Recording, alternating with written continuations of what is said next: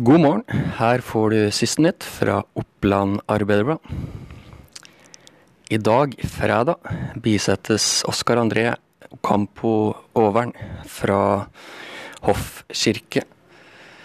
Det er forventa at eh, mange vil søke til eh, kjerka for å ta farvel med 15-åringen, som eh, morgenen 9.10 ble funnet livløs, i familiehjemmet på Kapp, og som døde mandag 4.11. på Ullevål universitetssykehus i Oslo.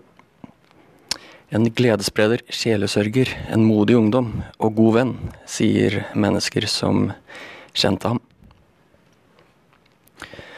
Rådmann Magnus eh, Mathisen går videre med planene om felles ungdomsskole i Gjøvik.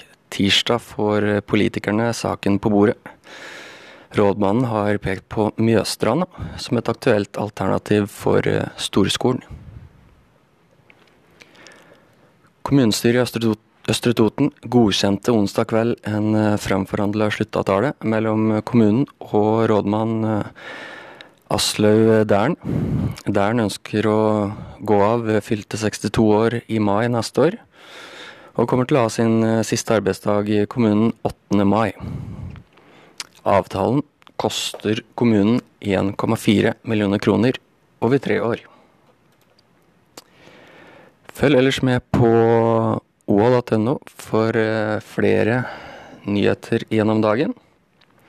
Der kan du bl.a. nå lese om at eh, Østre Toten øyner nytt håp for nytt eh, boligområde utafor Gjøvik. Vi tar das.